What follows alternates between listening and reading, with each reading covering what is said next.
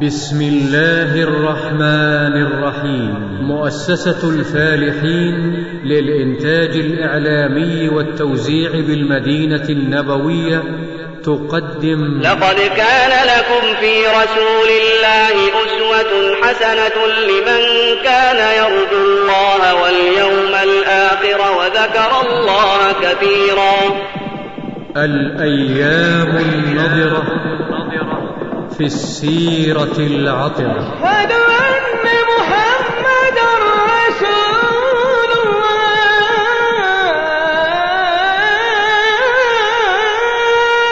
الحمد لله الذي فطر قلوب كثير من خلقه على محبة نبيه صلى الله عليه وسلم. يتأسون به ويقتفون أثره ويلتمسون سنته ويتبعون هديه. وإخوانكم في مؤسسة الفالحين الإسلامية يسعدهم أن يضعوا بين أيديكم هذا الالبوم والمسمى بالأيام النضره في السيرة العطر لنبينا صلى الله عليه وسلم والذي يحتوي على وقفات وإضاءات من أيامه النضره وسيرته العطره صلى الله عليه وسلم. والآن نترككم مع الشريط الثالث وتستمعون فيه إلى حجه وعمرته غزواته كتابه بعوثه إلى الملك. حجه وعمرته. ثم قال المصنف رحمه الله فصل في حجه وعمرته. روى همام بن يحيى عن قتادة قال قلت لأنس كم حج النبي صلى الله عليه وسلم من حجة؟ قال حجة واحدة واعتمر أربع عمر عمرة النبي صلى الله عليه وسلم حيث صده المشركون عن البيت والعمرة الثانية حيث صالحوه من العام القابل وعمرة من الجعرانة حيث قسم غنيمة حنين في ذي القعدة وعمرته مع حجته. صحيح متفق عليه. هذا بعد قدومه المدينة. وأما ما حج بمكة واعتمر فلم يحفظ. والذي حج حجة الوداع ودع الناس فيها وقال عسى ألا تروني بعد عامي هذا. الآن نتكلم على وجه الإجمال في القسم الثاني من الدرس عن حجه وعمرته صلى الله عليه وسلم. النبي عليه الصلاة والسلام لم يحج إلا حجة واحدة واعتمر أربع عمرات. عمرة لم يكتب لها التمام وعمرة مقرونة بالحج وعمرتان منفصلتان. أعيد. حج حجة واحدة عرفت بحجة الوداع وسأفصل واعتمر أربع عمر.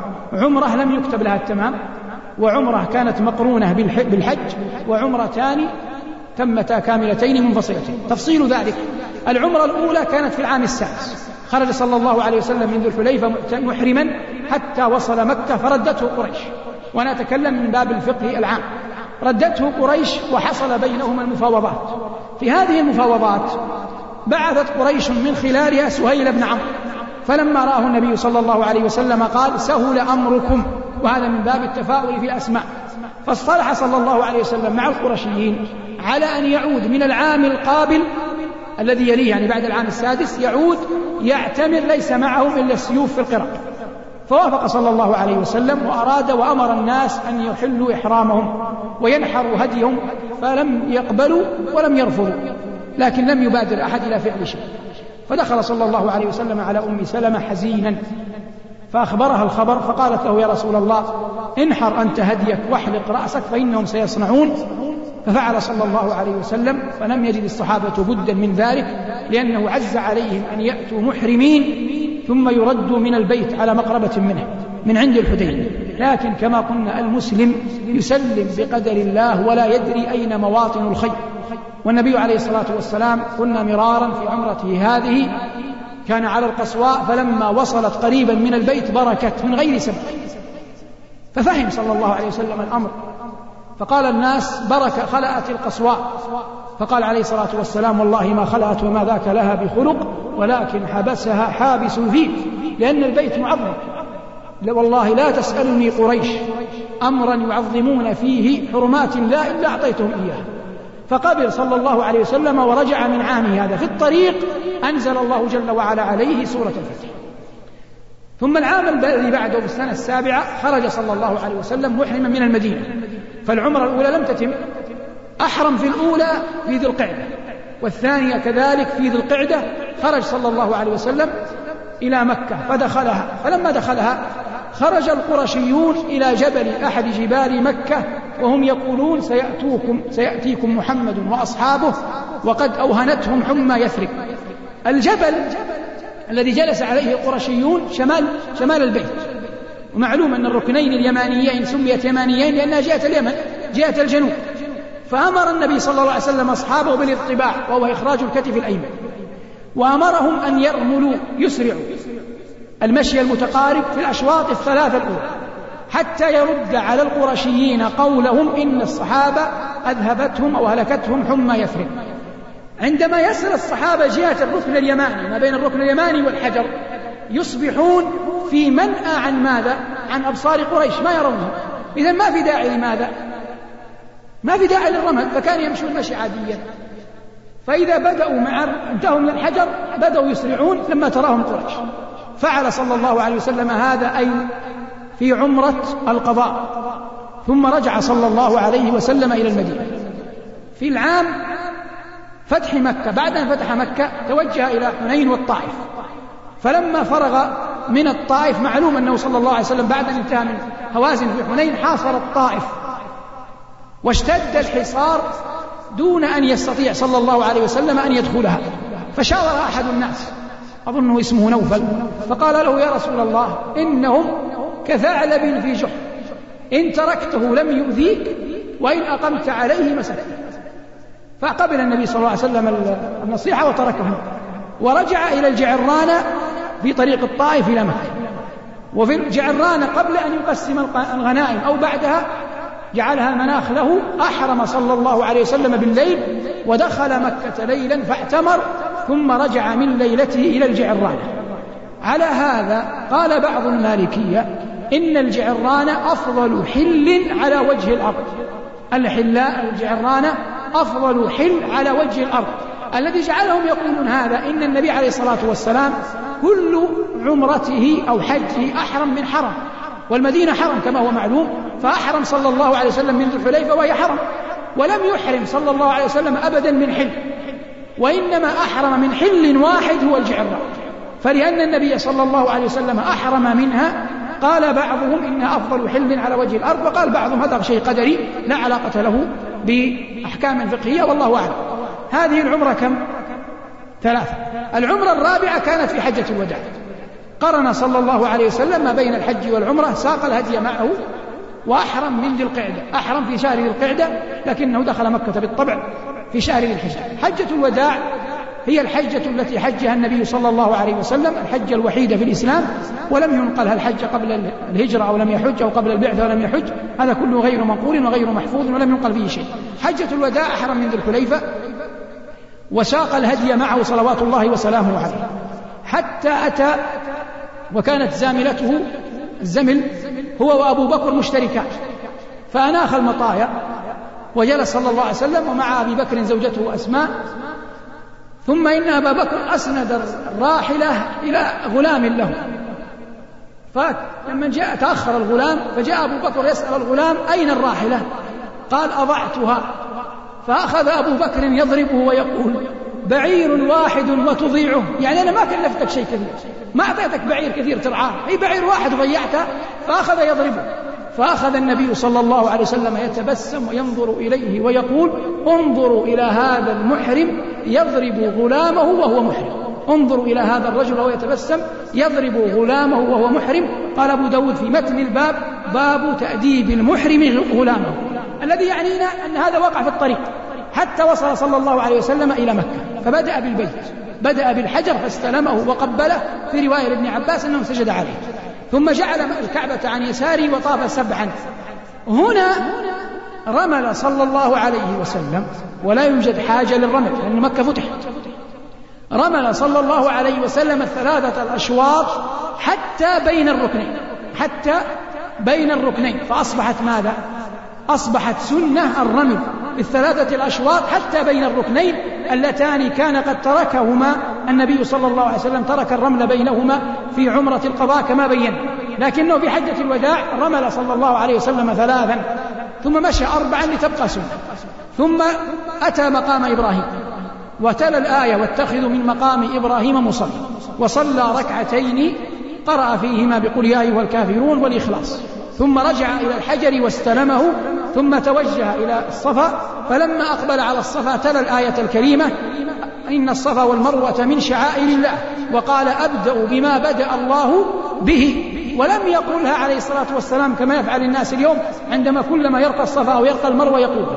ثم نزل عليه الصلاة والسلام حتى جاء إلى ما بين العلمين الأخضرين اليوم اللذين عليهما علمان أخضران كان آنذاك حصبا من الأرض.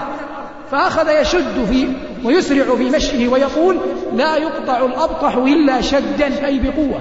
قال الراوي فأرى ركبتيه تدوران في إزاره صلوات الله وسلامه عليه. ثم رقى المروة فعل على الصفا أنه استقبل البيت ووحد الله وكبره ودعا وهلل يرفع يديه ثلاثا وفعل على المروة ما فعل على الصفا ثم أتم سعيه ولم يحلق رأسه لأنه قد ساق الهدي في اليوم الثامن توجه إلى منى مكث فيها اليوم صلى فيها الظهر والعصر والمغرب والعشاء في الفجر ذهب إلى عرفة. لما توجه إلى عرفة ضربت له القبة بنمرة قرية شرقي عرفات فأناخ في نام فيها ارتاح قليلا حتى زالت الشمس. لما زالت الشمس ركب القصواء وتقدم حتى أتنا أتى بطن عرنا وهو ليس من عرفة ليس بحرم. وإن كان برزخ ما بين المشعر وما بين الحرم ما بين الحرم يعني ما بين مكة. فوقف فيه وخطب الناس خطبته العظيمة وقال فيها لعلي لا ألقاكم بعد عامي هذا فعرفت بحجة الوداع ثم تقدم حتى أتى الموقف وجعل بطن الصخ... جعل بطن ناقته إلى يمين الصخرات ووقف يدعو رافعا يديه حتى غابت الشمس. ثم أردف أسامة بن زيد خلفه حتى ذهب إلى مزدلفة. في الطريق توقف ونزل في أحد الشعاب وبال وتوضأ وضوءا خفيفا. فلما ركب الناقة قال له وقد أمسوا قال له أسامة الصلاة يا رسول الله؟ قال الصلاة وفي رواية المصلى أمامك. أي في مزدلفة؟ أتى مزدلفة؟ صلى المغرب والعشاء جمع تأخير لأنه دخلها في وقت صلاة العشاء. ثم اضطجع حتى أذن الفجر. فصلى الفجر في أول وقته ثم بعد ذلك أتى المشعر الحرام الذي مبني عليه المسجد اليوم. فوقف عنده وذكر الله. ثم قبل أن تشرق الشمس أنزل أسامة وأردف الفضل بن عباس. أنزل أسامة وخرج يجري مع سباق قريش وأردف ابن عمه الفضل بن عباس وكان شابا حسن الشعر وسيما. وهو الطريق إلى منى جاء رأى ضع ضع حريم نساء ركز يجري. فأخذ الفضل ينظر إليهن فأمال شقه صلى الله عليه وسلم إلى الشق الثاني. فكأنه رأى نساء أخريات فأمال النبي صلى الله عليه وسلم وجهه مرة أخرى. حتى أتى صلى الله عليه وسلم منى أتى الجمرة ولم يبدأ بشيء قبلها فرماها وهو على ناقته بسبع حصيات يكبر مع كل حصى. ثم أتى الحلاق وكان اسمه معمر بن عبد الله. فقال له قد أمكنك الله من شحمة أذن نبيه ومعك الموسى. فحلق رأسه صلى الله عليه وسلم. ثم بعد ذلك ذهب إلى المنحر ونحر هديه صلى الله عليه وسلم. نحر ثلاثا وستين بيده. وقلنا مرارا إن هناك أشياء تدل على ما هو قادم نحر ثلاثا وستين وتوقف. وعمره صلى الله عليه وسلم ثلاثا وستين. فنحر ثلاثا وستين والإبل معقولة يدها اليسرى فتسابقت تقدم نياقها إليه صلوات الله وسلامه عليه. بعد أن أتم نحرها أعطى عليا أن يكمل عنه فأكمل عنه علي ما تبقى وكانت مئة ناقة قدمها صلى الله عليه وسلم نحرا. ثم جاءته امرأة من خثعم قبيلة إلى الآن موجودة لهم مواطن وأماكن في جنوب البلاد في الطريق ما بين الطائف إلى حتى يعني يوجد علامة عليه. هذه المرأة كانت جميلة جدا جاءت تسأله. تسأله عن أن أبيها رجل كبير أراد فرض الحج وهو لا يستطيع. قالت أحج عنه قال نعم. فأخذ الفضل ينظر إليها وتنظر إليه كما في حديث ابن عباس فأمال النبي صلى الله عليه وسلم وجه الفضل ولم ينزله من راحلته ثم توجه صلى الله عليه وسلم إلى بيت عائشة. هنا نقول قلنا مرارا إن من أراد أن يسوس الناس لا بد أن ينظر إلى الأشياء بعينين عين شرع وعين قدر. عين شرع وعين قدر كما ساسهم صلى الله عليه وسلم. والخير كل الخير باتباعه. ما المقصود بعين الشرع وعين القدر؟ هذا الفضل شاب أعزب وسيم. فكونه ينظر للنساء أمر محرم لكنه أقرب إلى طبيعة الشباب هذا القدر. والمحرم الشر فماذا فعل صلى الله عليه وسلم؟ أنكر عليه وأمال وجهه. هذا نظرة للأمر بعين الشر. أما عين القدر فهو صلى الله عليه وسلم يعلم أن هذا شاب وأعزب والفتاة جميلة فلم ينزله من الناقة ولم يعنفه ولم يسبه ولم يشتمه مراعاة لوضعه وحالته وعمره رضي الله عنه وأرضاه. هذه الأمور إذا أراد الإنسان أن يسوس الناس ينظر لكل أمر. ولذلك جاء في الإسلام التفريق ما بين كبر الغني وكبر الفقير. لأن الغني عندما يتكبر له وجه وإن كان حراما لأنه ذو مال لكن الفقير على أي شيء يتكبر.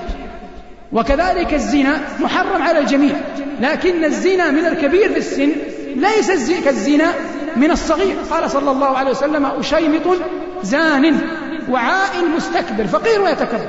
وملك كذاب. لماذا الملك يكره منه الكذب؟ لأنه ما يحتاج أن يكذب. ما في أحد يخاف منه عشان يكذب. لكن عندما يكذب الخائف له وجه وإن كان حراما. فمن أراد أن يسوس الناس يسوسهم بهدي محمد صلى الله عليه وسلم ينظر بعين الشرع وعين القدر. نعود إلى هدي صلى الله عليه وسلم. دخل على عائشة فطيبته بعد أن أحل من إحرامه وتوجه إلى مكة وطاف طواف الإفاضة والصواب أنه طاف طواف الإفاضة وهو راكب على بعير.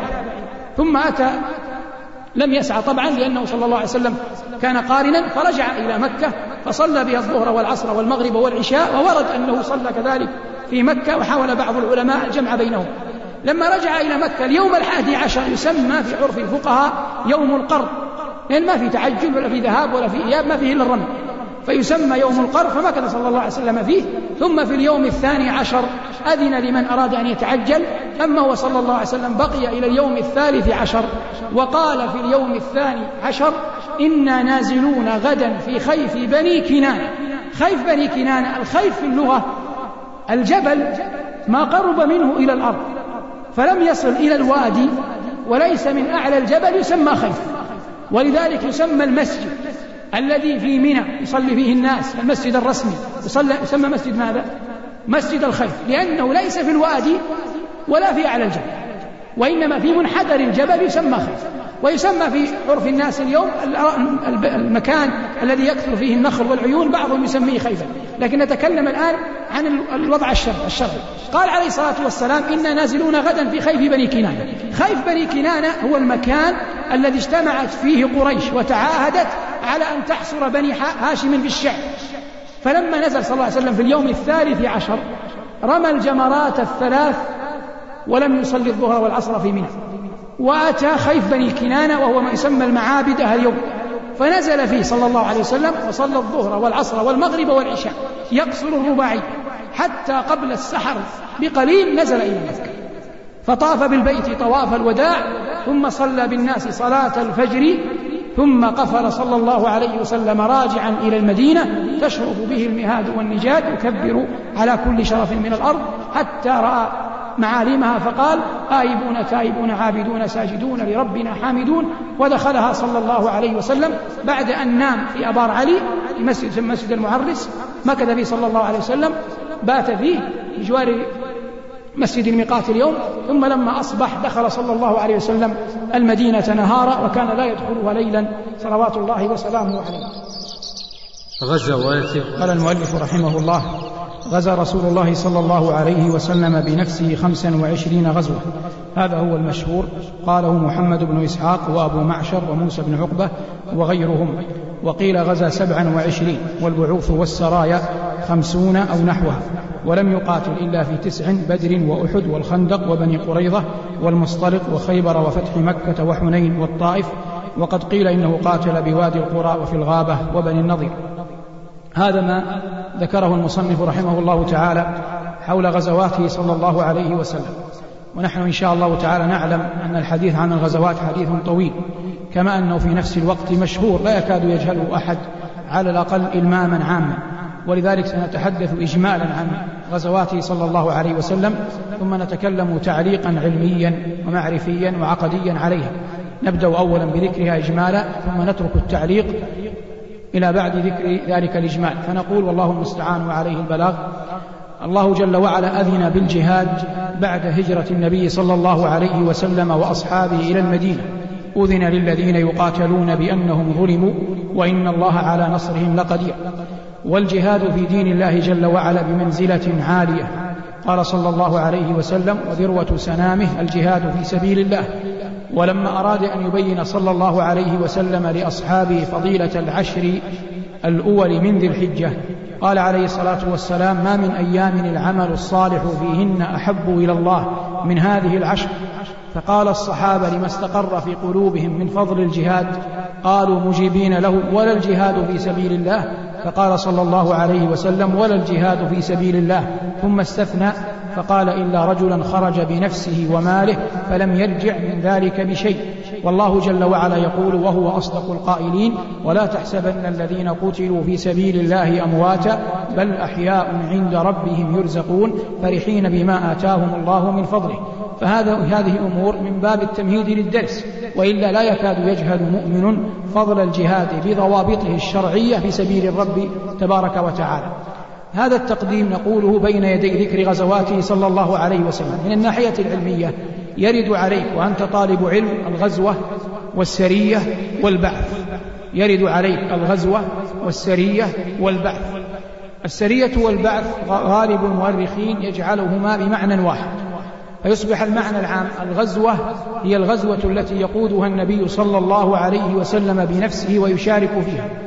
فإذا كانت المعركة بهذا المناط سميت غزوة. أما السرية أو البعث فهي التي يبعثها النبي صلى الله عليه وسلم دون أن يكون فيها عليه الصلاة والسلام. مثل سرية مؤتة فإنها كانت بقيادة زيد بن حارثة ولم يكن النبي صلى الله عليه وسلم عليها. والسرية سميت سرية لأنها جرت العادة أنها تبعث في الليل. ويقال فلان سرى أي مضى في الليل. فيقال لها سرية لأن الغالب أنها تمضى يمضى أمرها ليلا. أما البعث فقد قلنا إن أكثر المؤرخين على أنه بمنزلة السرية. لكن بعضا منهم يقول إن البعث هو المجموعة من الجند التي يبعثها صاحب السرية. ويصبح البعث منفك نسبيا عن السرية عند بعض العلماء. لكن عند جمهورهم على أن السرية والبعث بمقام واحد.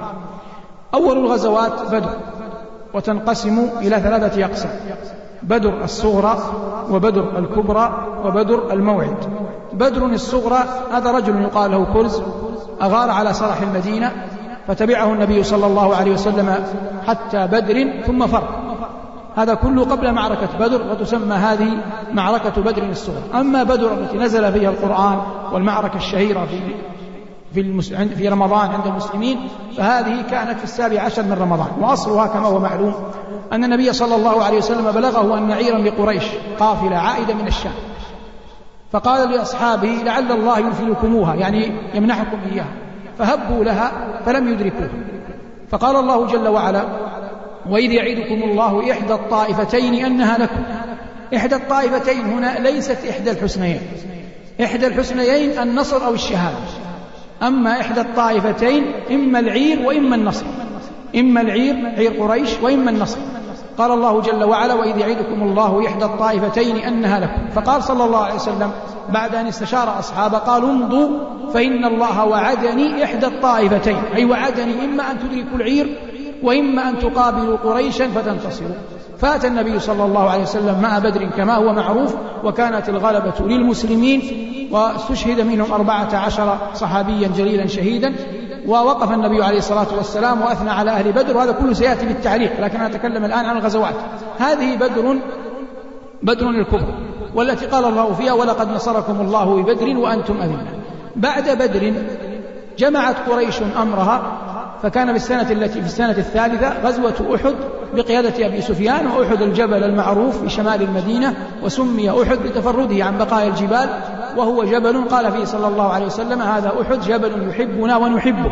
وارتقى عليه عليه الصلاة والسلام ومعه أبو بكر وعمر وعثمان فارتج فرحا فقال عليه الصلاة والسلام أثبت أحد فإنما عليك نبي وصديق وشهيدان. الذي يعنينا عنده في ساحته كانت معركة أحد وكانت الغلبة كما هو معلوم أول الأمر للمسلمين. ثم إن الرماة عصوا النبي صلى الله عليه وسلم وتركوا أماكنهم فانقلب الوضع وتغير الحال وجعل خالد بمن معه من القرشيين فأصبح الأمر لهم واستشهد من المسلمين آنذاك سبعون رضي الله عنهم وأرضاهم. ثم كانت غزوة بني النظير وهم قوم من اليهود كانوا في يسكنون المدينة كان منهم بعض التآمر ثم إن النبي عليه الصلاة والسلام ذهب إليهم في دية رجلين فلم يساعداه وتآمر على قتله فأجلاهم النبي صلى الله عليه وسلم من المدينة. ثم بعد ذلك كانت غزوة الأحزاب ومن اسمها يظهر أن قريشا وغطفان ومن حالفهم حاصروا المدينة في القصة المعروفة. أخذ النبي عليه الصلاة والسلام مشورة سلمان الفارسي وحفر الخندق فاختصم الناس في سلمان. قال المهاجرون منا وقال الأنصار سلمان منا وقال صلى الله عليه وسلم سلمان منا آل البيت. هذه غزوة الخندق ثم بعد ذلك لما رجع المشركون من غزوة الخندق بعد أن ردهم الله انكسر المشركون معنويا. فقال صلى الله عليه وسلم الآن نغزوهم ولا يغزونا. فوقع الأمر كما قال صلوات الله وسلامه عليه. بعد ذلك كانت مسيرة النبي صلى الله عليه وسلم للعمرة في العام السادس. فاصطلح مع القرشيين المصطلح الذي تم تاريخيا وعرف في كتب السيرة بصلح الحديبية واتفق الطرفان على أن لا يكون قتال عشر سنين. بعد هذا الصلح لما رجع صلى الله عليه وسلم إلى المدينة غزا خيبر في نفس العام. وتوجه إلى خيبر وقاتل فيها وأظهر علي رضي الله عنه بلاء معروفا ووسر من الأسر صفية بنت حي بن أخطب رضي الله عنه رضي الله عنها ثم تزوجها النبي صلى الله عليه وسلم في منصرفه من خيبر. هذا كله في أحداث السنة السادسة. في في السنة الثامنة كان فتح مكة خرج النبي صلى الله عليه وسلم بعد أن استعان به عمرو بن سالم الخزاعي إذا أنه كان من شروط الصلح صلح الحديبية أن من أراد أن يدخل في حلف محمد دخل ومن أراد أن يدخل في حلف قريش دخل فدخلت بكر في حلف قريش ودخلت خزاعة في حلف النبي صلى الله عليه وسلم. ثم إن قريشا عانت بكرا على خزاعة فجاء عمرو بن سالم الخزاعي يستنصر برسول الله صلى الله عليه وسلم فقال له نصرت يا عمرو بن سالم وخرج صلى الله عليه وسلم في العام الثامن من الهجرة إلى مكة معه أكثر من عشرة آلاف من أصحابه.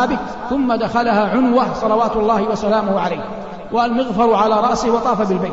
هذا فتح مكة ثم جعل عليها عتب بن أسيد. ثم خرج صلى الله عليه وسلم إلى حنين فقاتل هوازن وثقيف وحاصر الطائف لكنه لم يستطع أن يدخلا ثم رجع.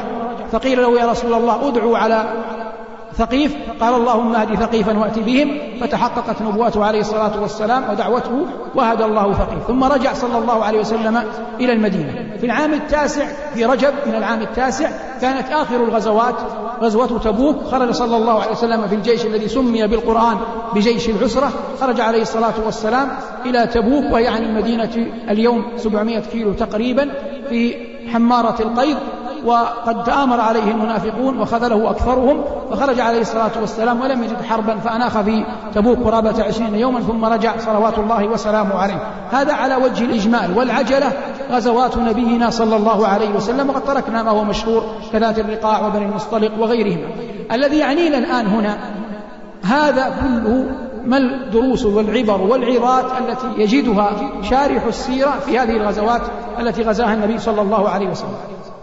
أول ذلك أن يعلم أن الله ما أمر بشيء أعظم من توحيده ولا نهى عن شيء أعظم من الإشراك به. فما بعث الرسل ولا أنزلت الكتب إلا ليعبد الله وحده دون سواه. في بدر قال عليه الصلاة والسلام لأصحابه أمضوا فإن الله وعدني إحدى الطائفتين. وقلنا إن إحدى الطائفتين إما العير وإما النصر. فلما فر أبو سفيان بالعير ونجا إذا الأولى ذهبت بقيت الثانية وهي ماذا؟ وهي النصر. فهو عليه الصلاة والسلام أتى بدرا وهو يعلم أنه منصور لا محالة لأن الله وعده وهو أخبر الناس بذلك. ومع ذلك وقف صلى الله عليه وسلم. ليلة بدر في العريش رافعا يديه يدعو ويتضرع إلى الله ويسأله جل وعلا.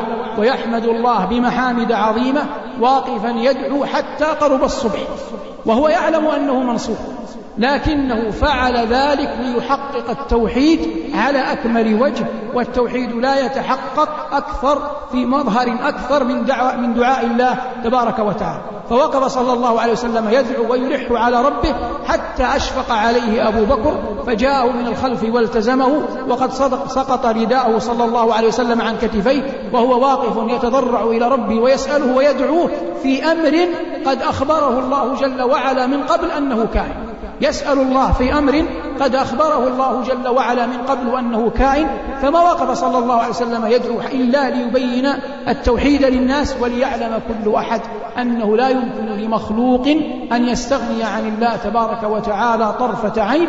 يا أيها الناس أنتم الفقراء إلى الله والله هو الغني الحميد والعبد لو ترك لحوله أو فصاحته أو ماله أو بلاغته أو أولاده أو عشيرته أو ملكه أو سلطانه إلى هلك فلا ينجي من كل مكروه إلا الله ولا يهب النعم ويعطيها ويمنحها إلا الله. فمن استعان بالله جل وعلا وفق وقد تجد الرجل من الفصاحة والبلاغة والدعوة بمكان فيدعو وتجد من أمامه لا يتأثر. لماذا؟ لأن الله لم يكتب لذلك المتلقي التأثر. قال الله جل وعلا حكاية عن نوح بعد أن أخلص لقومه ودعاهم وبين لهم معالم الهدى قال ولا ينفعكم نصحي إن أراد الله أن يغويكم. مهما بذلت معكم من جهد فلن ينفع إن كان الله جل وعلا لم يرد لكم الهداية. فاسأل الله تبارك وتعالى من فضله وأر الله جل وعلا من التضرع والمسكنة ما يحب يعطيك الله جل وعلا ما تحب من خيري الدنيا والآخرة. هذا ما يتعلق ببدر في المقام الأول. نجم عن بدر أنها أول معركة في الإسلام. هذه المعركة بعدها كان الصحابة على ثلاثة أقسام. قسم يحمي النبي صلى الله عليه وسلم وقسم تتبع فلول قريش وقسم جمع الغنائم. ولم يكن يوم ذاك غنائم من, قبل يمضون بها على السنة الأولى فاختصموا في الغنائم يمضون بها على السنة الأولى فاختصموا في الغنائم فذهبوا للنبي صلى الله عليه وسلم يسألونه فأنزل الله يسألونك عن الأنفال ولم يأتي جواب. قال الله تأديبا لهم قل الأنفال لله والرسول فاتقوا الله وأصلحوا ذات بينكم أي يحرصوا على جمع الكلمة ليس المقام أن تختصموا من أجل غنائم المهم أن تتآلف قلوبكم أن يتوحد رأيكم أن تجتمع كلمتكم. ثم بعد أربعين آية بنفس السورة قال الله جل وعلا واعلموا أن ما غنمتم من شيء فأن لله خمسه وللرسول ولذي القربى. إلى آخر الآية بين جل وعلا كيفية تقسيم الغنائم. ثم اختلفوا في الأسرى. فاستشار النبي صلى الله عليه وسلم الصديق والفاروق. فالصديق أشار عليه بقبول الفدية والفاروق أشار عليه بالقتل. فقال صلى الله عليه وسلم عن الصديق شباه بإبراهيم. عندما قال عليه الصلاة والسلام أي إبراهيم قال ربي إنهن أضلن كثيرا من الناس أي الأصنام. فمن تبعني فإنه مني ومن عصاني لم يدعو عليهم قال فإنك غفور رحيم. وخرج منها وشبه الفاروق بنوح. قال ربي لا تذر على الأرض من الكافرين ديارا إنك إن تذرهم يضلوا عبادك ولا يلدوا إلا فاجرا كفارا. ثم أخذ النبي صلى الله عليه وسلم برأي الصديق وقبل الأسرى. فجاء القرآن يعاتبه وسأتكلم عن معاتبة القرآن في بدر بعد أحد. أما أحد فهي المع... قلنا إن الصحابة رضي الله عنهم الذي عبد الله بن جبير ومن معه من الرماة طائفة من الرماة خالفوا أمر قائدهم ونزلوا إلى أرض المعركة يجمعون الغنائم كانت فرصة لخالد لا يهلك الناس مثل المعاصي ولا ينجي مثل الطاعات وهذه أكبر دليل على ذلك كله. لما عصى الرماة النبي صلى الله عليه وسلم معصية واحدة كانت سببا في هزيمة جيش بأكمله فيه رسول الله صلى الله عليه وسلم. فليس بين الله وبين أحد من خلقه نسب. مقاليد التوف مقاليد التوفيق مقرونة بالطاعات ومقاليد الخيبة والخسران مقرونة بالمعاصي. والله يقول ولقد صدقكم الله وعده إذ تحسونهم, إذ تحسونهم بإذنه حتى إذا فشلتم وتنازعتم وعصيتم من بعد ما أراكم ما تحبون منكم من يريد الدنيا ومنكم من يريد الآخرة ثم صرفكم عنهم ليبتليكم ولقد عفى عنكم والله ذو فضل على المؤمنين. هذا الأسلوب القرآني لماذا جاء رقيق؟ لأنهم منهزمين.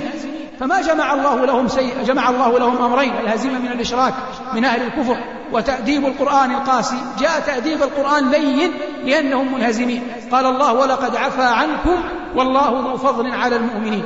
أما في بدر التي أرجعت الكلام عنها فإنهم لما اختلفوا في الأسرى ولم يأخذوا بالرأي الأصب وهو قتل الأسارى قال الله تبارك وتعالى عنهم ما كان لنبي أن يكون له أسرى حتى يثخن في الأرض تريدون عرض الدنيا والله يريد الآخرة. إلى أن قال الله جل وعلا في الآية التي بعدها لولا كتاب من الله سبق لمسكم فيما أخذتم عذاب عظيم. لولا كتاب من الله سبق لمسكم فيما أخذتم عذاب عظيم. فالعتاب في بدر كان أقسى من العتاب في أحد لأنهم كانوا في بدر منتصرين يتقبلوا العتاب القاسي أما في أحد فكانوا منكسرين فما أراد الله جل وعلا أن يجمع عليهم عتابا قاسيا مع هزيمة أهل الإشراك هذا ما يتعلق بحياة بأمر النبي صلى الله عليه وسلم في غزوتين. في غزوة أحد أشيع أن النبي صلى الله عليه وسلم قتل. لما زعم ذلك عمرو بن قمية أخزاه الله. فلما أشيع أصاب المسلمين نوع من الإثباط أو من التحبيط أو ما أشبه ذلك عام نفسي فقال الله جل وعلا لأولياء الصالحين وما محمد إلا رسول قد خلت من قبله الرسل أفإن مات أو قتل انقلبتم على أعقابكم ومن ينقلب على عقبيه فلن يضر الله شيئا وسيجزي الله الشاكرين. ما ربط الله جل وعلا عبادته قط بحياة أحد. أوامر الله تنفذ مات النبي أو بقي. وجد الإمام أو لم يوجد وجد القائد المسلم أو لم يوجد أوامر الله وعبادته وطاعته وشكره والإذعان له تبارك وتعالى دأب المؤمن في كل زمان وكل مكان وهذا الدين الذي هو من عند الله أجل وأعظم من أن يعلق بحياة أحد. ولو أريد لهذا الدين أن يعلق بحياة أحد لعلق بحياة النبي صلى الله عليه وسلم. لكن الله يقول للصحابة الذين هم خير جيل وأمثل رعيل قال لهم وما محمد إلا رسول قد خلت من قبله الرسل أفإن مات أو قتل انقلبتم على أعقابكم؟ أي أن الرسل من قبله ماتوا فلم يتغير شيء. وهو صلى الله عليه وسلم وإن كان هو هو عند ربه بالمنزلة العالية والمقام الرفيع لكن أوامر الله ليس معلقا تنفيذها بحياة أحد كائنا من كان. ثم إن هؤلاء الرسل تركوا مبادئ تركوا قيم. ومن أعظم أخطائنا في الصحوة أن نعلق الناس بالدعاء أو بالعلماء أو بالقادة أو بالمجاهدين أو بما إلى ذلك. هذا من أعظم أخطائنا في التربية. الإنسان يعلق بالمبادئ يعلق بالقيم لأن هذا الذي تفتن به اليوم لا يؤمن عليه الفتنة أن هو نفسه يترك الدين. ويرجع ينتكس أو يموت أو يتغير. فلا تتعلق بمخلوق كائنا من كان. خذ من الناس من العلماء من الدعاء ممن تحب. خذ منهم القيم والمبادئ التي عاشوا من أجلها. أما هم لا تتعلق بهم. وما يحصل عند موت زعيم أو ما يشبه ذلك من هلاك الناس وضياعهم وبكائهم. هذا كله أن يبكي الإنسان على شخص يحبه لا بأس. فالنبي صلى الله عليه وسلم بكى على موت إبراهيم. لكن لا يعتقد أحدا أن الدين سيتبدل أو يتغير لأن فلانا مات أو عالما ربانيا هلك. الدين أعظم من أن يعلقه الله بحياة أحد كائنا من كان. هذا ما كان يوم أحد. في يوم الخندق أراد الله أن يبين أن مع العسر يسرا وأن آخر الليل فجرا. ففي عز ما كان المشركون مسيطرين محيطين بالمدينة أخذ النبي عليه الصلاة والسلام بالرأي والإنسان مهما بلغ عقله ورأيه وفضله يحتاج إلى أن يستشير الناس. وما استكبر صلى الله عليه وسلم أن يستشير أصحابه وأخذ برأي سلمان وقال إننا كنا في بلاد فارس نصنع كذا وكذا. فلا يأتي إنسان ويقول تشبه بالكفار. تشبه في الكفار في المسائل التي تكون رمزا لهم تكون عنوانا على كفرهم هذا لا يجوز. أما حضارات الأمم هذه مفتوحة. لا يجوز لأحد أن يقيدها. فقد كان الفرس يصنعون هذا في حروبهم فما امتنع صلى الله عليه وسلم أن يصنعه في حروبه إذا كان هذا يقيه غائلة الأعداء. وقد قال عليه الصلاة والسلام في حديث آخر وعند مسلم قال كنت أريد أن أنهى أمتي عن الغيلة حتى علمت أن فارس والروم تصنعانها فلا يضرانها شيئا. والغيلة أن ترضع المرأة ابنها وهي حامل على إحدى التفسيرين لها وهو المشهور. ومع ذلك قال عليه الصلاة والسلام لما علم أن فارس والروم وهم مجوس ونصارى يصنعون هذا الصنيع قبل به صلى الله عليه وسلم لأن هذه حضارة مشتركة يأخذ الناس بها كلهم ليست وقفة وقفا على أمة دون أمة. إنما المحذور ما كان شعارا ليهود أو كان شعارا لمجوس أو كان شعارا لنصارى يتعلق بدينهم وشعائرهم. هذا الذي فيه الموالاة والبراء ولا يجوز لأحد أن يحاكيهم فيه أبدا حفاظا على شعيرة الدين. نعود إلى هذا الأمر. في ذروة هذا كله ينزل صلى الله عليه وسلم فيضرب صخرة. فيقول الله أكبر الآن هو محاصر. الله أكبر أعطيت مفاتيح فارس. والله إنني لأرى قصر المدائن الأبيض من مكانها. ثم يضرب ضربة ثانية ويقول الله أكبر أعطيت مفاتيح الشام. والله إنني لأرى قصور هرقل أو كلمة نحو من مكانها. ثم ضرب الثالثة وقال الله أكبر أعطيت مفاتيح اليمن. والله إنني لأرى قصر صنعاء الأبيض من مكانها. ففي عز ما هو فيه يبشر الصحابة ليبين لهم أن اليأس لا يدب إليه. ثم انظر أن النبي صلى الله عليه وسلم يقول هذا كله وهو لم يدرك ولا واحد منها لم تفتح فارس ولا بلاد الروم ولا اليمن في حياته صلى الله عليه وسلم. فتحت بعد حياته. لماذا؟ لأن ليس شرطا أن تفتح في حياته. وإما نرينك بعض الذي وعدناهم أو نتوفينك. الآية لا أحفظ باقيها لكن المقصود أن الآيات تقع في حياته وتقع بعد وفاته. فالدين ليس معلقا بأحد والقائد الموفق من يبذل من يبذل الفأل الحسن والعزيمة في نفوس أصحابه. هذه المعركة كانت اختبارا للناس وتصفية لهم. المنافقون قالوا محمد يعدنا بكذا وكذا وأحدنا لا يقدر أن يقضي حاجته. قال الله عنهم ولما رأى الذين في قلوبهم مرض قالوا ما وعدنا الله ورسوله إلا غرورا. قال على أهل الإيمان ولما رأى المؤمنون الأحزاب قالوا هذا ما وعدنا الله ورسوله وصدق الله ورسوله وما زادهم إلا إيمانا وتسليما. هذا ما يتعلق بمعركة الأحزاب. أما في معركة الحديبية فإنه خرج صلى الله عليه وسلم كما قلنا في العمرة والحج خرج حتى وصل إلى مكة. وبين مكة بركة الناقة فقال من معه خلأت القصواء. قال والله ما خلأت وما ذاك لها بخلق ولكن حبسها حابس الفيل. ثم فهم أنه لن يصل إلى البيت. وقال إن قريشا لا تسألني اليوم خطة يعظمون فيها البيت إلا أعطيتهم إياه. هنا قال الحافظ ابن حجر وهذا من فرائد العلم الحق. قال الحافظ ابن حجر رحمه الله استنباط والعلماء يختلفون. فهذا النص قول عليه الصلاة والسلام خلأت القصوى قرأه كثير من العلماء. لكن الفهم يتفاوت من عالم إلى عالم في استنباط الفوائد. قال الحافظ ابن حجر رحمه الله وهذا من دلائل قدرته العلمية قال إنه لا يلزم من التشبه بين أمرين التشبه من كل وجه. فإن النبي عليه الصلاة والسلام شبه حبس ناقته بحبس الفيل مع أن حبس الفيل كأصحاب الفيل كانوا على باطل محض وصاحب الناقة صلى الله عليه وسلم كان على حق محض لكن المقصود هنا بالشبه المقصود شيء واحد وهو حفظ الله جل وعلا لبيته. وليس المقصود تشبيه صاحب الناقة صلى الله عليه وسلم بصاحب الفيل إبرهة فبينهما من البون والفرق ما لا يكاد يخفى على أحد. هذا معنى كلامه رحمه الله تعالى وغفر له. المقصود من هذا أن النبي عليه الصلاة والسلام رجع بعد أمور وأحداث علقنا عليها من قبل. خرج في نفس العام إلى خيبر. وقد كان يقتلها اليهود. فأقبل على يهود فج على خيبر فجرا فخرج الناس ومعهم المساحي المزارعون فلما رأى المساحي بأيديهم تفاءل وقال الله أكبر خربت خيبر إننا إذا نزلنا بساحة قوم فساء صباح المنذرين. هنا حصلت أمور بعض الحصون كثرت على الصحابة أو عزت على الصحابة أو غلبت على الصحابة. فقال عليه الصلاة والسلام لأن الراية غدا رجلا يحبه الله ورسوله ويحب الله ورسوله. فاستشرف الناس ويبيتون ليلتهم كلهم يريد أن يكون هو. فلما أصبح أعطاها علي رضي الله تعالى عنه وأرضاه وهذا من مناقب علي رضي الله تعالى عنه وأرضاه. فتحت خيبر بعد ذلك. اصطفى النبي صلى الله عليه وسلم صفية بنت حيي بن أخي. فوجد فيها ها هنا في خدها أثر ضربة. أثر ضربة في خد صفية فسألها عنها. فقال هي كانت قبله تحت رجل آخر. فقالت له إنني قصصت رؤيا على زوجي فصفعني ثم سكت أخبرته بعد ذلك. سألها بعد ذلك فأخبرته قالت رأيت الهلال ينزل فيقع في حجري.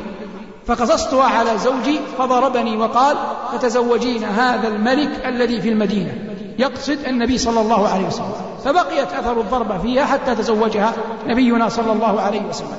هذا ما كان من غزوة خيبر وقد حاول اليهود سموا عليه الصلاة والسلام فنجاه الله تبارك وتعالى وأخبرته الذراع ذراع الشاة أخبرته أنها مسمومة فلفظ ما أكل صلوات الله وسلامه عليه وهذا من معجزاته عليه الصلاة والسلام. ثم بعد بعد خيبر كان فتح مكة في العام الثامن من الهجرة. خرج عليه الصلاة والسلام لما استنصر به عمرو بن سالم حتى أتى مكة وأناخ في بجواره. في تلك الفترة أسلم بعض القرشيين على رأسهم أبو سفيان بن حرب. وكان أبو سفيان رجل يحب الفخر. والعباس كان الوسيط بين النبي عليه الصلاة والسلام وبين أبي سفيان. والعباس عم النبي عليه الصلاة والسلام وله دالة على رسول الله. فقال يا نبي الله إن أبا سفيان رجل يحب الفخر. فقال عليه الصلاة والسلام من دخل دار أبي سفيان فهو آمن. ومن أغلق عليه بابه فهو آمن ومن دخل المسجد فهو آمن. فدخل صلى الله عليه وسلم مكة وقد أخرج منها قبل ثمان ثمان سنوات وعلى رأسه المغفر على رأسه. ثم قيل له وهو ينزع المغفر إن فلانا أحد خصومه متعلق بأستار الكعبة. فقال عليه الصلاة والسلام اقتلوه وهذا قد كان منه وقد كان منه كثير الأذى لرسولنا صلى الله عليه وسلم. ثم طاف صلى الله عليه وسلم بالبيت ومعه المحجن وهو يشير إلى أصنامه ويقول وقل جاء الحق وزهق الباطل وإن الباطل كان زهوقا. الذي يعنينا هنا أنه عليه الصلاة والسلام كان مطأطئا رأسه معظما لربه يعرف فضل الله جل وعلا عليه ولم يكن يخرج منه عليه الصلاة والسلام ولا مثقال ذرة من أمارات الكبر ولا علاماته لأنه يعرف أن الله هو الذي مكنه وأظهره على عدوه ولذلك كان يقول دائما لا إله إلا الله وحده أعز جنده ونصر عبده وهزم الأحزاب وحده وطاف بالبيت ثم أمر بالأصنام أن تخرج من البيت. فكان من الأصنام التي أخرجت صورة لإبراهيم عليه السلام طبعا رسمة لم يكن هناك تصوير رسمة لإبراهيم وإسماعيل وهما يستقسمان بالأزلام. الأزلام أعواد تستقسم بها قريش. فيها قفل يعني لا سلب ولا إيجاب وفيها نعم وفيها لا. فإذا خرجوا أو سافروا أو أرادوا أمرا يأتون بهذه الأزلام يستقسمون بها. فالقرشيون حتى يثبتون مذهبهم رسموا صورة إبراهيم وإسماعيل وهما يستقسمان بالأزلام. فلما نظر فيها صلى الله عليه وسلم قال قاتلهم الله لقد علموا أن شيخنا ما استقسم بها قط وقد قلنا مرارا في دروسنا إنه لم يحفظ أن النبي صلى الله عليه وسلم نعت أحدا من الأنبياء بأنه شيخه. لم يحفظ أن النبي عليه الصلاة والسلام نعت أحدا من الأنبياء بأنه شيخه إلا إبراهيم صلوات الله وسلامه عليه وقد كان أبا لنبينا عليه الصلاة والسلام. قال قاتلهم الله لقد علموا أن شيخنا ما استقسم بي قط ثم دخل صلى الله عليه وسلم الكعبة وكبر في نواحيها وصلى ركعتين وهو خارج وهو ما آخذ بعضتي الباب. أنزل الله جل وعلا عليه قوله إن الله يأمركم أن تؤدوا الأمانات إلى أهلها فأعطى مفاتيح الكعبة لبني شيبة وقال خذوها خالدة كاردة لا ينزعها منكم إلا ظالم. ثم خرج صلى الله عليه وسلم بعد ذلك إلى حنين جهة الطائف. لما خرج إلى حنين مروا على شجرة كان القرشيون وأهل الجاهلية يعبدونها. فيها أمور تعلق فيها أصنامهم وآلهتهم. وما كانوا يتعلقون به. فقال من معه ممن هو حديث عهد بإسلام يا نبي الله اجعل لنا ذات أنواط كما لهم ذات أنواط. فقال عليه الصلاة والسلام الله أكبر إنها السنن. لقد قلتم كما قال أصحاب موسى لموسى اجعل لنا إلها كما لهم آلهة. ثم أتى حنين صلى الله عليه وسلم وغلب المسلمون في الأول ثم أخذ أبو سفيان بن الحارث والقلوب بين يدي الله يقلبها كيف يشاء. أبو سفيان بن الحارث كان طوال دهره يهجو النبي صلى الله عليه وسلم. وهو ابن عمه فالحارث أحد أعمام النبي صلى الله عليه وسلم من أبناء عبد المطلب وسيأتي الحديث إن شاء الله في الدرس القادم عن أعمام الرسول. المهم أن أبا سفيان هذا هو الذي قال له حسان رضي الله تعالى عنه أتهجوه ولست له بكفء فشركما لخيركما الفداء. أخذ بزمام ناقة النبي عليه الصلاة والسلام والرسول واقف على ناقته ويقول أنا النبي لا كذب أنا ابن عبد المطلب. ثم نادى يا أصحاب السمرة يا أصحاب الشجرة حتى اجتمعوا رضي الله عنهم وأرضاهم ونصر الله جل وعلا جنده والمؤمنين الذين معه. حاصر النبي عليه الصلاة والسلام الطائف استعصت عليه فقفل راجعا بعد أن استشار بعض الناس ثم قال اللهم اهد ثقيفا وأت بهم. ورجع صلى الله عليه وسلم إلى المدينة. في العام التاسع من شهر رجب خرج صلى الله عليه وسلم إلى تبوك. وكان الأصل في غزواته أنه إذا أراد أن يخرج لا يبين الوجهة إلا تبوك لبعد المشقة وشدة الحر وحاجة الناس. أظهر صلى الله عليه وسلم وجهته ودعا الناس واستنفرهم إلى المعونة فيها فكان لعثمان رضي الله تعالى عنه اليد الطولى وقصب الصبت رضي الله تعالى عنه وأرضاه فجهز أكثر جيش العسرة رضي الله عنه وأرضاه. خرج النبي صلى الله عليه وسلم تخلف ثلاثة مرارة بن الربيع وهلال بن أمية وكعب بن مالك وتخلف المنافقون ثم لم يجد صلى الله عليه وسلم قتالا ولا حربا أناخ في تبوك ما شاء الله له أن ينيخ ثم رجع إلى المدينة وجاءت قصة توبة الله على الثلاثة الذين خلفوا. كتابه بعد أن ذكر المصنف رحمه الله بعضا من مما يشير إلى غزواته صلوات الله وسلامه عليه أشار إلى من كان يكتب له عليه الصلاة والسلام. وهذا يسوقنا إلى مسألة مهمة وهي أن الله جل وعلا بعث نبيه أميا لا يقرأ ولا يكتب. وقد عاش عليه الصلاة والسلام لا يقرأ ولا يكتب أربعين عاما قبل النبوة. وهذا لحكمة أرادها الله حتى لا يأتي أحد. ويقول إن هذا النبي حصل على ما حصل عليه مما يقوله من القرآن بمعرفته بأخبار الأمم السابقة. وهذا أكد القرآن عليه كثيرا. قال الله جل وعلا وما كنت تتلو من قبله من كتاب ولا تخطه بيمينك. إذا لارتاب المبطلون. وقال الله جل وعلا ما كنت تدري ما الكتاب ولا الإيمان ولكن جعلناه نورا نهدي به من نشاء من عبادنا وإنك لتهدي إلى صراط مستقيم. وقال الله جل وعلا وما كنت ترجو أن يلقى إليك الكتاب إلا رحمة من ربك. فالنبي عليه الصلاة والسلام حفظه الله من أن يقرأ ويكتب ويكتب قبل النبوة حتى لا يتسلط أحد عليه ويكون عذرا لأحد ممن يعترض على دينه في أنه عليه الصلاة والسلام كان يجيد القراءة. قال الله عنهم أي أهل قريش أنهم قالوا عنه في سورة الفرقان وقالوا أساطير الأولين اكتتبها فهي تملى عليه بكرة وأصيلا أي طلب من غيره أن يكتبها له. اكتتبها أي طلب من غيره أن يكتبها له. فرد الله جل وعلا عليهم ذلك كله كما هو ظاهر في القرآن. فلما كان الله قد حفظ نبيه من هذا جعل له كتبه. والإنسان الشيء الذي لا يحسنه يكله إلى غيره وليس هذا بنقص فيه. وليس هذا بنقص فيه بل هذا من مقومات كمال الأمر. والنبي عليه الصلاة والسلام وهو رأس الملة وإمام الأمة وهو يقود الناس. شرع الله جل وعلا أن يتخذ كتبه يعينونه على أمره عليه الصلاة والسلام. فيكتبون الوحي الذي ينزل من السماء ويكتبون كتبه التي يبعثها إلى غيرهم ويكتبون بعض الأحكام التي وجدت عندهم كما في كتاب عمرو بن حزم. هذا كله قام به ثلة من الصحابة لأن العرب كانت أمة في الغالب أمة أمية. لا تكتب ولا تحسب. فالذين كانوا يكتبون كانوا قليلا منهم الخلفاء الأربعة. أبو بكر وعمر وعثمان وعلي كلهم كانوا كتبة وكان هناك بعض الصحابة جمع المزيتين. كان خطيبا للنبي عليه الصلاة والسلام وكان كاتبا كما هو شأن ثابت ابن قيس. وكان من هؤلاء الكتبة من هو متميز كما يوجد في الطلاب أو في الوزراء أو في المساندين لأي حاكم قوم مميزون. كان زيد بن ثابت رضي الله عنه أميز الصحابة في الكتابة وتعلم لغة يهود وهو الذي طلب منه الصديق رضي الله تعالى عنه والفاروق بعد ذلك أن يجمع القرآن. أن يجمع القرآن.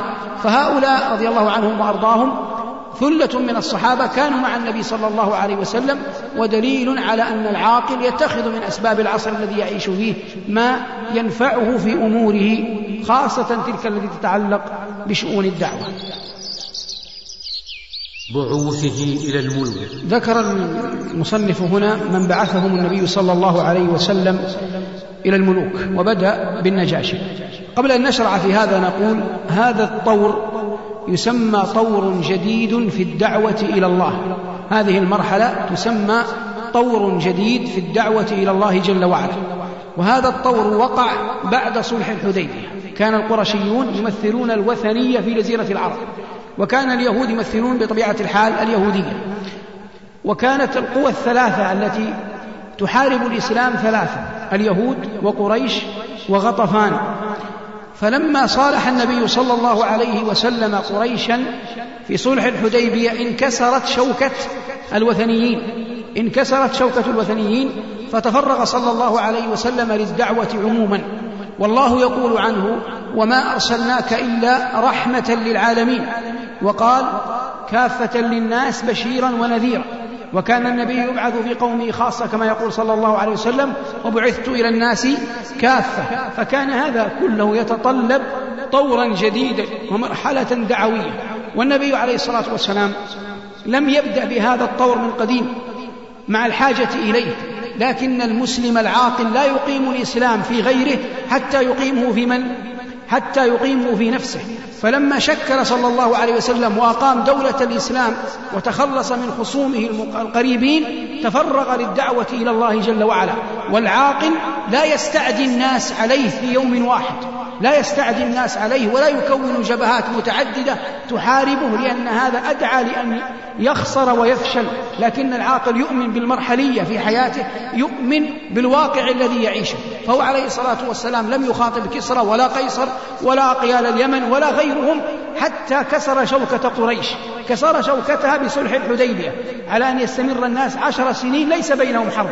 فلما وقت توقفت الحرب كان هذا هو الفتح العظيم الذي بشر الله به نبيه يوم انصرفه من من الحديبية.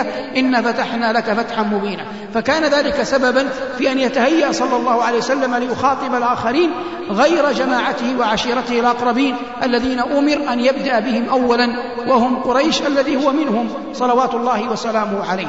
وهو عليه الصلاة والسلام وهو يدعو إلى الله. كما دعا بالسنان كما مر معنا في غزواته دعا باللسان. واتخذ الأسباب المشروعة في الدعوة التي توافق عصره آنذاك. فلما أخبروه أي الصحابة أن العرب أو الملوك والسلاطين والأمراء لا يقبلون إلا كتابا مختوما لم يعاند وإنما اتخذ خاتما من فضة عليه الصلاة والسلام جعل له ثلاثة أسطر محمد رسول الله كما في البخاري وغيره. فجعل كلمة محمد أسفل وكلمة رسول في الوسط وكلمة الله الذي هو لفظ الجلالة جعلها في الأعلى فأصبحت الخاتم نقشه محمد أعلى منها رسول وأعلى منها لفظ الجلالة الله فأصبح يقرأ من الأدنى محمد رسول الله. فحتى في نقش خاتمه عليه الصلاة والسلام تأدب مع ربه جل وعلا ولا يوجد أحد تأدب مع ربه تبارك وتعالى كما كان نبينا عليه الصلاة والسلام مع متأدبا مع ربه يعرف لله قدره. وهذا واحد من أسباب كثيرة أفاءها الله عليه جعلته أعظم النبيين وأكمل الخلق صلوات الله وسلامه عليه. لما عرج به إلى سدرة المنتهى لم يلتفت يمينا ولا شمالا ولم ينظر في أي شيء إلا وفق ما يريه الله. فما أراه الله رآه وما لم يريه الله لم يتحرك منه جارحة. ولذلك زكى الله بصره في القرآن فقال الله في سورة النجم ما زاغ البصر وما طغى أي لم يتجاوز حدوده. وكان عليه الصلاة والسلام في كل حاله وآنه متأدبا مع ربه جل وعلا وأنت إذا تريد الرفعة فالرفعة لها أسباب من أعظمها الأدب مع الله جل وعلا. وما أورث أنبياء الله ورسله الناس شيئا أعظم من أدبهم مع الله. قال الله عن خليله إبراهيم وهو يعرف ربه. قال أفرأيتم ما كنتم تعبدون أنتم وآباؤكم الأقدمون فإنهم عدو لي. إلا رب العالمين الذي خلقني فهو يهدين والذي هو يطعمني ويسقين. فلما ذكر المرض نسبه إلى نفسه. قال وإذا مرضت فهو يشفين ولم يقل وإذا أمرضني تأدبا مع ربي تبارك وتعالى. ثم قال والذي يميتني ثم يحيين. كل ذلك من كمال أدبهم مع ربهم جل وعلا. ونبينا صلى الله عليه وسلم كان يخطب في يخطب في صلاة الجمعة. فدخل رجل يشتكي جدب الديار وقلة الأمطار وقال يا رسول الله استسقي الله لنا. فرفع صلى الله عليه وسلم يديه يقول اللهم اغثنا اللهم اغثنا اللهم اغثنا فتكون السحاب بأمر الله وأمطر الناس اسبوعا. ثم في يوم الجمعة المقبلة دخل رجل هو أو غيره دخل من نفس الباب فقال يا رسول الله يشكو كثرة أن السيول قطعت السبل فرقت الناس ضرت بالطرق. فقال يا رسول الله كذا وكذا وكذا حصل من أثر السيول. فادعوا الله أن يمسكها عنا. فكان لكمال أدبه في المرة الأولى قال أغثنا قال اللهم أغثنا. في المرة الثانية قال امسكها عنا فلم يقل صلى الله عليه وسلم لربه أمسك عنا رحمتك لأنها يعلم لأنه يعلم أنها رحمة.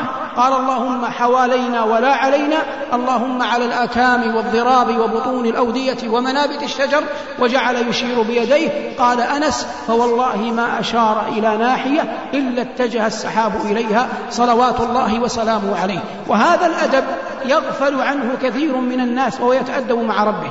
كما حظي به النبيون حظي به الأتقياء عبر التاريخ كله. قال الله عن الجن وأنا لا ندري أشر أريد بمن في الأرض. أم أراد بهم ربهم رشدا؟ فلما ذكروا الرشد نسبوه إلى الله. أم أراد بهم ربهم رشدا؟ ولما ذكروا الشر نسبوه إلى غير إلى ما لم يسمى فاعله كما يقال يقول النحويون. قالوا وأنا لا ندري أشر أريد بمن في الأرض ولم ينسبوه مع الله مع أن الله خالق الخير وخالق وخالق الشر وكذلك الخضر عليه السلام لما ذكر السفينة وعيبها قال كما أخبر الله عنه أما السفينة فكانت لمساكين يعملون في البحر فأردت أن أعيبها أسند العيب إلى نفسه وكان وراءهم ملك يأخذ كل سفينة غصبا وأما الغلام فكان أبواه مؤمنين فخشينا أن يرهقهما طغيانا وكفرا فأراد ربك أن أن يبدلهما خيرا منه زكاة وأقرب رحمة. فلما أراد ذكر الزكاة والرحمة نسبها إلى الرب قال فأراد ربك. ولم يقل فأردت. ولما ذكر العيب نسبه إلى نفسه قال فأردت أن أعيبها وهذا كله مندرج ضمن أدب رسولنا صلى الله عليه وسلم مع ربه وهو أعظم ما ينقل عنه ويتأسى به صلوات الله وسلامه عليه. نعود إلى فقه الواقع الذي كان عليه صلوات الله وسلامه عليه. كتب الكتب وبعث بها إلى الملوك والزعماء يدعو إلى الله ويبلغ رسالة ربه. وهو في كل رسالة يبعثها يختار من يحملها. والعاقل تدل على عقله ثلاثة أشياء هديته وكتابه ورسوله هديته وكتابه ورسوله. بمعنى أنه لو أتاك كتاب خطاب من أحد أو مرسول من أحد أو هدية من أحد فإنما الكتاب والهدية والمرسول تدلك على عقل من بعثه تدلك على عقل من بعثها لذلك كان صلى الله عليه وسلم يختار قوما معينين من أصحابه وهو يبعثهم إلى الملوك والرؤساء بما يوافق حالهم أي حال هؤلاء الملوك. لأن ليس المقصود التجبر والتكبر وإنما المقصود أن يدخل الناس في دين الله أفواجا. فكان ممن بعثهم بعث إلى النجاشي والنجاشي لقب يطلق على من ملك الحبشة. واختلف في النجاشي الذي بعث النبي صلى الله عليه وسلم عمرو بن أمية إليه. هل هو النجاشي الذي هاجر إليه المهاجرون الأوائل؟ قال بهذا قوم وهل هو غيره؟ قال بهذا قوم آخرون أقصد من العلماء. والذي يظهر والله تعالى أعلم أنه غير النجاشي الأول غير النجاشي الأول كما يدل عليه حديث أنس والله تعالى أعلم. الأيام النضرة في السيرة العطرة.